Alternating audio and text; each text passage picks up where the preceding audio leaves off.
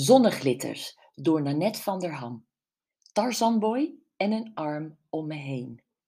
Ik ben heel gelukkig, maar ik mis toch die arm om me heen, zeggen veel dappere gescheiden moeders. Een geweldige zin, waar natuurlijk veel meer achter schuilt, want die arm, Allah. Maar dat zijn vooral die borst, die stevige billen en het mannelijk geslachtsdeel die ik mis. En daar sta je dan, het geluk van je kinderen gaat je natuurlijk voor en dus ligt je eigen liefdesgeluk een beetje achter. Voor je zoon en dochter wil je niet als een pluk mij, blom op het schoolplein verschijnen. Op mannenjacht gaan met een stel 40-plus medelotgenoten heeft iets wanhopigs. Van getrouwde mannen moet je afblijven. En getrouwde mannen ook graag van mij, ja? Je weet niet of je een vaste relatie wil maar mist gewoon de seks. Klaar. Klaar? Nou, graag.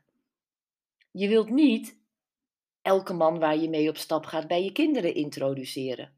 En bovendien is dat ook weer eng.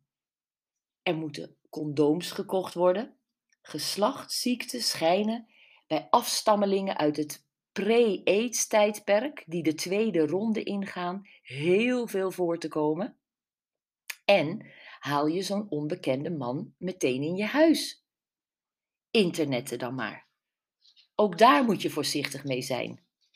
Ik ken een moeder die een lekker chatvriendje had gevonden.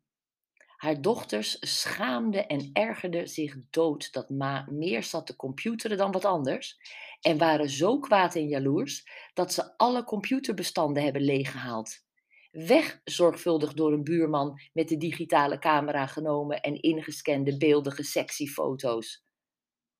Erotische films bij de videotheek halen.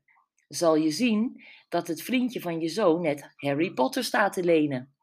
Maar waar zou ik zijn zonder mijn Tarzanboy?